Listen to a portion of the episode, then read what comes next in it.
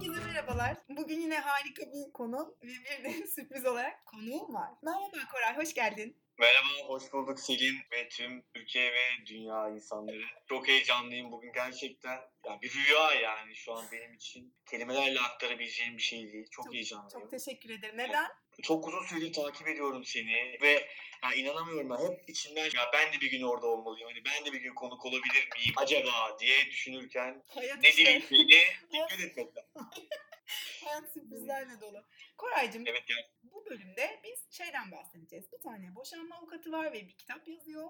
Ve böyle hani hem evliliklerle ilgili hem boşanma ile ilgili bir takım tavsiyeler var. Ben aslında onun e, kitapla ilgili böyle röportajını anlatmak istiyordum ama boşanma ile ilgili bir boşanma avukatından sonra aklıma gelen ilk isim sen olduğun için seni çağırdım. Evet. Ne- neden peki seni çağırdım? Belki birazcık bahsedebilirsin hani boşanma uzmanı olma süresinden. Tabii ki yani e, bildiğin üzere hukuk fakülteleri 4 sene. Ben de 4 senede zaten ancak boşanabildim. O yüzden yani bir hukukçu kadar şeyim var. Habertürk takip ediyorum. Ersan Şen favorim. Ceza Muhakemeleri Kanunu'nun bilmem kaçıncı maddesi, bilmem kaçıncı bendine kadar olan kısmı da çok biliyorum. Yardımcı olabilirim diye düşünüyorum şu anda. Harika. O zaman e, başlayalım. Bu boşanma avukatı bu kitabında aslında biraz uzun birlikteliğinin sırrını açıklıyor. Adamın adı James Sexton diye biri.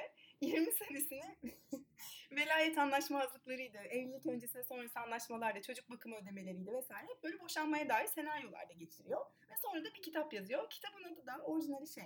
If you're in my office, it's already too late. Yani eğer ofisindeyseniz artık her şey için çok geç diye bir kitap yazıyor. Sonra da ben işte bununla ilgili bir röportaj gördüm ve gerçekten içinde çok değerli bilgiler vardı ve böyle birazcık bunları paylaşmak istedim. Mesela şunu soruyorlar. En sık karşılaşılan boşanma nedenleri nelerdir diye soruyorlar bu avukata. Ama ben önce şunu sormak istiyorum. Sence neler olabilir en sık karşılaşılan boşanma nedeni? Kendisinden Cem diye bahsedebilirim sanırım burada. Hani uzun ilişkilerin sırrından bahsetmiş e, demiştin kitabında. Evet. Ben tabii ki sadece uzun boşanmaların sırrını anlatabilirim. Benim de ilgi alanım bu. Cem'den farkım bu. Ee, uzun boşanmaların sırrı nedir diye benim de bir çalışmam var. Onun da reklamını burada yapmak istedim. Bir 6 sene sonra falan çıkar diye düşünüyorum. En sık karşılaşılan boşanma nedenleri tabii ki bu e, şaka bir yana coğrafyaya göre değişen bir şey. Her coğrafyada boşanma sebebi farklıdır. Ben de uzun süredir bu işin içerisinde olduğum için ben de araştırmıştım. Yani sadece bizde mi bu sebepler var? Yani mesela işte aile içi şiddet, Türkiye şeyi hı, söylüyorum. evet. Şiddetli geçimsizlik. Ne demek bu? Mesela bilmiyorum. Şiddetli geçimsizliğin ne demek olduğunu bilmiyorum. Benim öyle bir sorunum yoktu. Hani şiddetli konuşamamak olabilir. Hmm, anladım. İletişim, iletişim- iletişim problemleri yani. Evet, şiddetli iletim, iletişimsizlik için makale yazabilirim ama şiddetli geçimsizlik nedir o konuda hiçbir fikir sahibi değilim. Bilmiyorum yani. Öncelikle geçinebilmek için öncelikle bir diyalog içerisinde Evet olmak anladım. Laf sokmuyoruz. O zaman James Sexton buna nasıl cevap vermiş? Sadakatsizlik ve finansal uyuşmazlık olarak söylemiş. Ama diyor ki şöyle çok güzel bir şey söylüyor.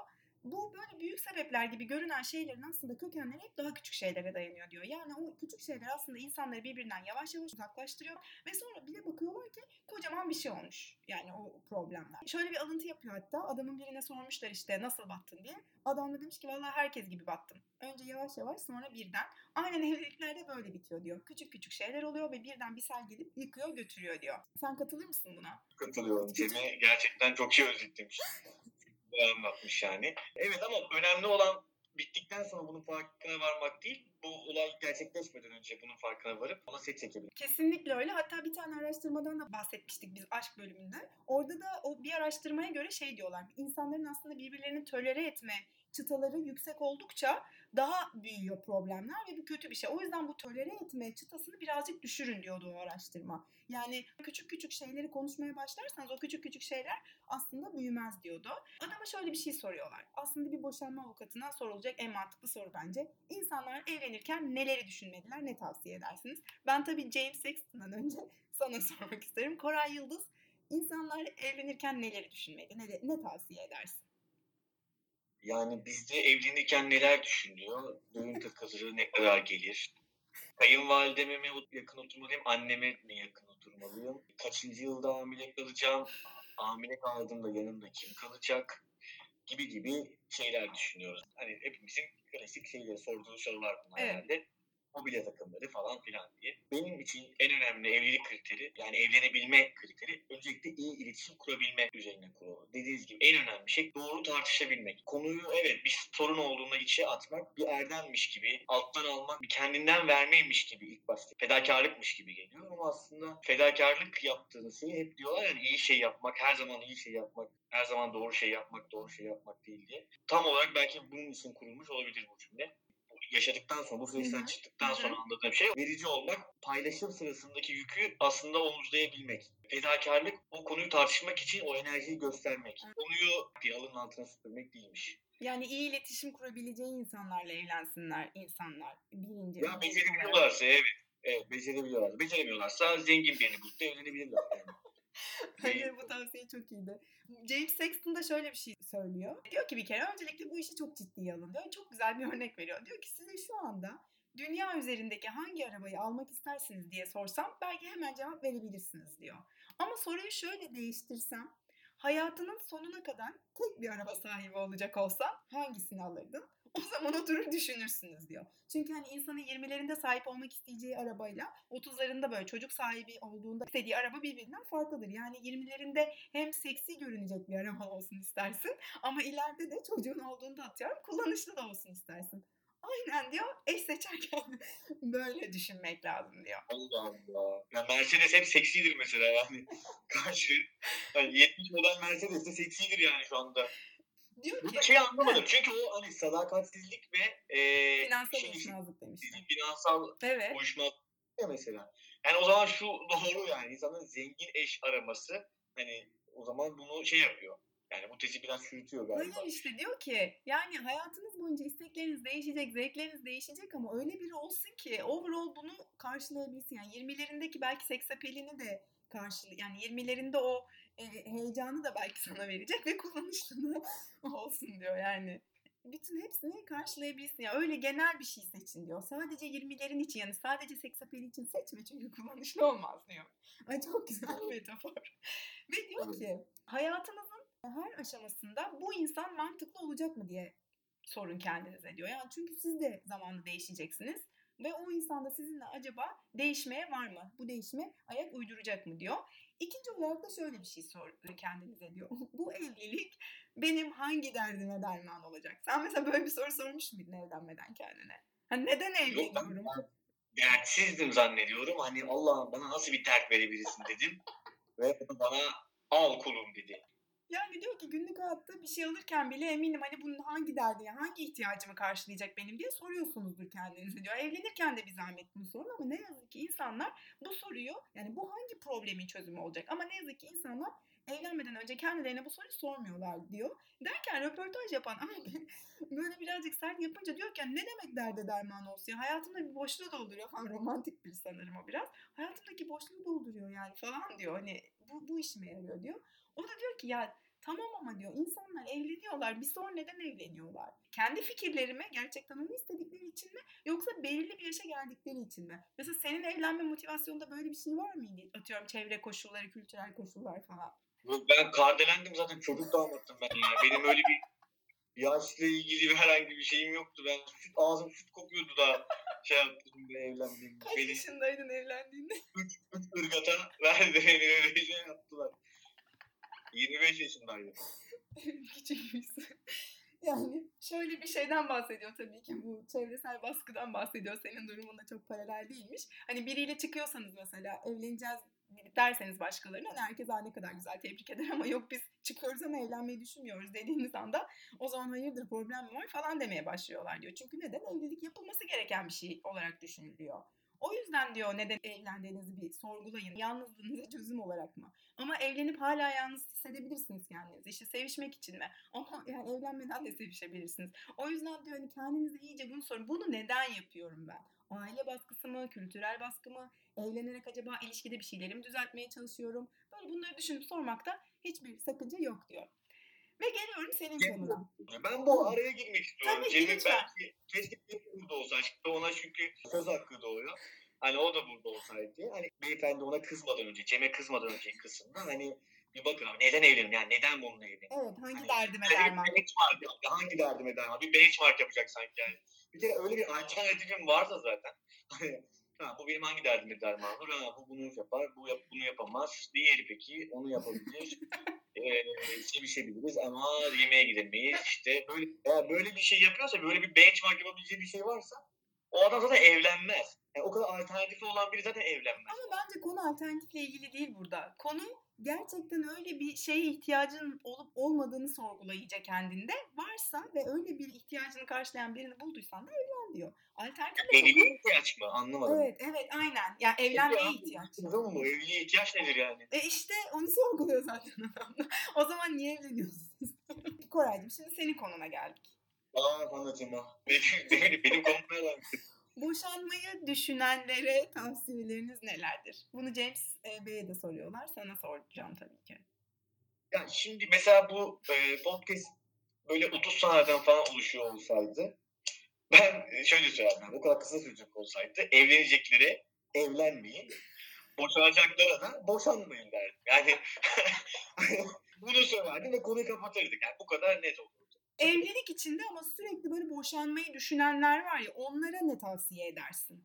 Ya onlara geçmiş olsun bir kere. Ee, çok üzülerek söylüyorum. Kötümser bir insan değilimdir aslında biliyorsun. Ama hani o geçmiş olsun yani. O, o düşünülmeye başlamışsa artık o konu yani %80 kapanmıştır. Yani fiziki olarak bir ayrılık gerçekleşmese bile hani ufaktan bir beyin ölümü gerçekleşmiş diyorlar yani böyle şeyler. Hmm. Aynen o evliliğin beyin ölümü artık gerçekleşmiş, bitkisel hayata girmiştir. Umarım yani bu podcast'i dinleyenler o kısma gelmeden o cümleyi ağızlarından çıkarmadan yani içlerinden geçirebilirler Hmm. ama ağızlarından çıkarmadan umarım konuyu düzeltip hayatlarına devam edebilirler. Tabii bunun çok farklı şeyleri var, dinamikleri var. Her evliliğin farklı dinamiği olduğu gibi her boşanmanın da farklı dinamiği var.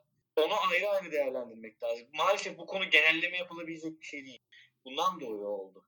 Ya da işte şundan dolayı oldu denebilecek bir şey yok. Hı hı. Bir insan anne babasının ilişkisi nasılsa işte beraber yaşadığı etrafında abileri, ablaları, kardeşleri varsa onların evlilikleri nasıl? Yani neyi görüp büyümüşse eğer, nasıl evlilikler görüp büyümüşse onu aradığına ben yüzde yüz eminim. Ben kendimde bunu uzun uzadıya kendime sorduğum için e, ve her seferinde benzer yakın cevaplar verdiğim için söylüyorum.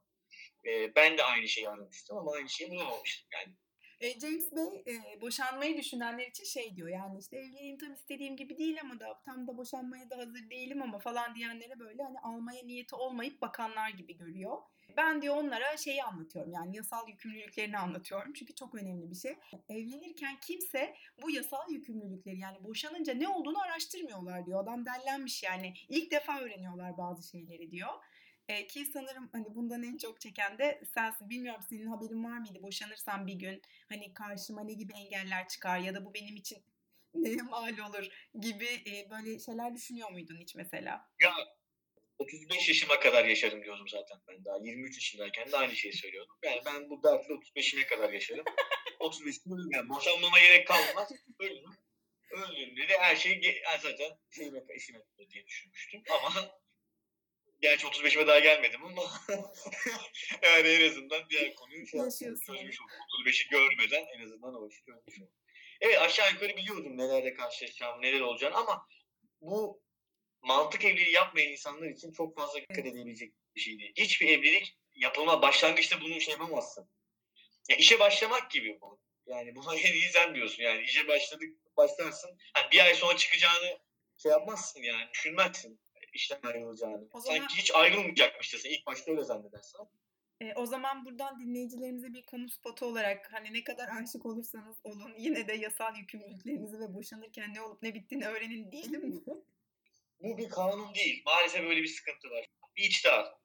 Ama bunun da önüne geçebilecek maalesef bir şey yok yani. Bu uygulamada hakimlerin eline bırakılmış, hakimlerin diline bırakılmış bir şey. O yüzden maalesef bu yükümlülükleri ne kadar bilsen de çok şey yapabileceğin bir şey değil. Ya şu anda tekrar aynı şeyi düşünecek olsam, yani tekrar evlenmeyi düşünecek olsam nasıl boşanacağımı yine düşünmem. Bu tek Hmm. düşündüğüm şey nasıl kişi biriyle evlenmeliyim o. Yani insanlar şunu düşünüyor. Boşandıklarında acı çekiyorlar. Yani o boşandıklarında olan şeyden, yükümlülüklerinden dolayı acı çekiyorlar zannediliyor. Yani en büyük aslında yanılgı bu. Belki de yanılgı değil, herkes için farklı şeyleri de olabilir. Yani bir tane şey var, bir para karşılığı var. Veriyorsun ve gidiyor. Hı hı. Ama zaman maalesef satın alınabilir bir şey değil. Doğru. Yani keşke onu ver, yani daha önce isteselerdi versen de hani o zaman kaybını yaşamasan dediğin şeyler yaşıyorsun. Yani o kırgınlıkları yaşıyorsun. Maalesef hani boşanmaya gitmeden evlenirsen Hmm. nasıl evli kalırım? Hani o evliliği nasıl daha uzun süre tutarım? Ee, bana bu bakış açısı birazcık e, romantik geliyor ama karşımda da zaten hani yine evlensem boşanma zamanını düşünmem diye. Lafla olmaz bir romantik var karşımda. Şu an onu görüyorum zaten hani. Ya yok benim de tabii ki bunun için önlemlerim var canım yani o, o kadar da değil yani. O, Artık- Ne, ne önlemler alacağımı biliyorum. Maymun gözünü açtı. e, Avukat Bey e, kitabında çok fazla şey, işte sadakatsizlik en büyük neden olarak söyleniyor ya tabii röportaj yapan kişi de şey soruyor ona. Boşanmalar sosyal medyadan mı doğuyor genelde? Adam böyle illallah etmiş sosyal medyadan. Yani ben hiç hatırlamıyorum diyor. İçinde sosyal medya geçmeyen bir boşanma davası olsun. Hep aynı hikaye yani sosyal medya üzerinden aldatma. Sadakatsizlik artık çok kolay diyor. Ya da neden? Çünkü insanlar hep best of'unu görüyoruz orada. Herkes işte en iyi çıktığı fotoğrafları, anları koyuyor. E, eğer birazcık yalnız, birazcık sıkılmış hissediyorsan kendi sahip olduğun ilişkinin yeterince iyi, ilginç olmadığını düşünüyorsun. Sen ne düşünüyorsun mesela sosyal medyada? Çok yani sosyal medya hani bu yalnızlık dediğin için söyleyeceğim bunu. Evet aldatmanın zaten nedeni yani yan, hani eğer arsızlık yoksa işin içerisinde yalnız kaldığında insanlar aldatmaya herhalde giderler yani. Bir yerde kendileri yalnız hissettiklerinde başka bir yerde kendilerini tamamlayabilecekleri bir alan ararlar. Sosyal medyada buna bunu bulmalarını hızlandıran bir şey. Kabul ediyorum. En son adama şey de soruyorlar. Peki bu hani şeyden bahsetti ya bu küçük küçük konular büyüyor ve bisel oluyor en sonunda diye. Onu birazcık daha açar mısınız diyor. Yine aynı şeylerden bahsediyor adam. Benim karşıma gelen konular diyor genelde büyük problemler olmuyor. Yani mesela en yakın arkadaşımla yattım falan gibi problemler değil. Hep böyle işte yüzünde o gün kızgın bir ifade vardı falan. İşte ne bileyim beni küçük gördü, beni görmezden geldi gibi gibi gerçekten böyle küçük küçük şeyler. O yüzden de o küçük şeyleri asla biriktirmeyin. Ne olursa olsun hemen her konuyu konuşun ve o anda konuşun diyor. İşte eğer bunu yapmazsanız o yağmur damlaları sel olur diyor ve şöyle bir şey söylüyor. İlişkilerde bir taraf iyi ve bir taraf kötü diye bir şey yoktur. İki kişi de aslında kendilerince sınıfta kalırlar diyor. Sen bu konuda ne düşünüyorsun? bu şaka değil gerçekten yani 4 senelik periyodun birinci yılında Allah ben ne yaptım hani nasıl böyle bir şey başıma geldi yani geçmişte. İkinci yılında ben bunu hak etmediğimle geçmişti. Kısa bir dönemi yani. Yılın tamamı değil. Ondan sonra bir aydınlanma yaşadım. Dedim ki bu tek başına olabilen bir şey değil. Yani ben yanlış hani işte karşı taraf bağırdığında sana çok yükseldiğinde sen onu o anda ona bir şey söylememek doğru değil mi? Yani cümleyi Evet. sadece bu kadar kurarsan hani doğrudur alttan al. E tamam ama o an alttan aldın. Hani ondan bir gün sonra aslında onu konuşman lazım. Yani iki gün sonra. Yani ne zaman yani şey dinerse, fırtına dinerse hani bir hasar tespiti falan yapman lazım. E ama yapmıyoruz hasar tespiti. Evet. E, evet. Yine susup o bir alışkanlık haline gelmiş oluyor. Ve bu bir krizleri çözme metoduymuş gibi maalesef en tehlikeli şey Evet. oluyormuş. Kesinlikle. Yani tabii ki bunların hepsi geriye dönüp baktığımda söylüyorum. Hem o, o anı kapadı değildim hem böyle bir tecrübeye sahip değildim. Hem de böyle bir podcast dinlememiştin. Hem de böyle podcast dinlememiştim yani. Yani Cem'i de tanımıyordum o zaman. Yani o zaman Cem hukuk fakültesini yeni bitirmişti tabii. O daha yeni başladı. İlişkinin iki yakası da e, Sınıfta maalesef şey oldu. Evet sınıfta kalıyor. Yani bu romantizm değil yani. Biraz rasyonalizm de var bunun içinde lütfen. Ee, şimdi bu yazara da soruyorlar. Bu kitabı yazmak seni evliliğe karşı kötümser biri yaptı mı peki? Yani bu hem böyle insanlarla karşılaşmak. O diyor ki hayır beni gerçekçi biri yaptı. Senin dediğin gibi diyor ben romantik biriyimdir aslında diyor. Ama masallara inanmam. Ee, insanın kendini aşka açtığında hayatlarının daha zengin olacağına inanıyorum diyor. İnsanların aşka ne kadar değer verdiğini ve bizim o aşka ulaşmak için aslında duvarlara çarptığımızı e, görmemi sağladı diyor mesleği için aşık olmak yani çok çabuk olan bir şey ama o duygudan çıkmak çok zor. Tabii bir de şey var mesela senin durumunda böyle bir şey değil ama hani gerçekten hayatında birini kaybederek ayrılan ya da istemeyerek olan ayrılıklar da var. Ve bunlar için işte diyor ki o kısım çok yavaş ve dereceli olarak azalıyor yani ayrıldıktan sonra. Hani kilo alırken nasıl e, dereceli olarak alıp yine dereceli olarak veriyorsun. Yani bir sabah uyanıyorsun ve işte ne bileyim 20 kilo almışsın öyle görmüyorsun. O yüzden hani bir e, sabah uyanıp da artık aşık değilim demiyorsun diyor.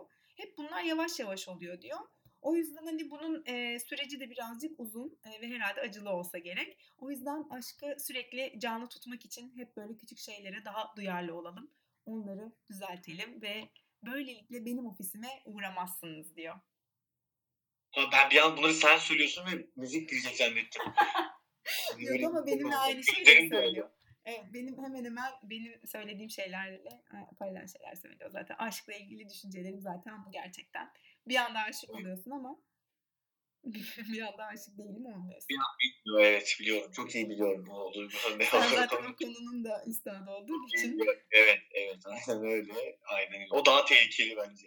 Yani o hani Boşanmak boşanmamak mı yoksa hani aş, aşık olup onu unutamamak mı? Daha zor. Of bu ayrı bir podcast konusu olur Evet gerçekten de. bunlar. Evet. Bu ikinci şeyi de yapalım. Doğru söylüyorsun. Çok teşekkür ederim Kuray. İyi ki geldin. Tecrübelerinden faydalandık. Ne demek? Ne demek? Son son olarak söyleyeceğim şey Evet. evlilik kötü değildir. İnsanlar kötüdür Hmm. diyebilirim. Ee, yoksa evlilik kötü bir şey değildir. Lütfen. İnsanların boşan, boşanma süreciyle ilgili soruları için senin e, mail adresini verelim mi? Bence şey yapmayalım çünkü ben e, öyle bedava bilgi vermeyi sevmiyorum. Sen nasıl iş kanunu yani yalamış yutmuş ya mesela. Ben de bunu aile hukuku konusunda yap- bilgilerimi para karşılığında Para karşılığında. O yüzden ne Evet. yazık ki dinleyicilerimizden özür diliyorum sorularınızı. Kore'ye soramayacaksınız ama bunu her zaman sorabilirsiniz. Ben Kore'ye sorarım. o zaman çok teşekkür ediyorum Koray tekrar geldiğin için. Rica ederim. Ben teşekkür ederim. Çok inşallah koltuğu doldurabilmişizdir. Kendimi Beyaz Şov'a katılan Kubat gibi görmek istiyorum. Yani o üç programda bir hani davet edilmiş biri olmak istiyorum. İnşallah. Ve umarım bu programa Tugay'dan daha fazla çağrılırım ee, e, diye düşünüyorum. Çok Bugün için. Rica ederim.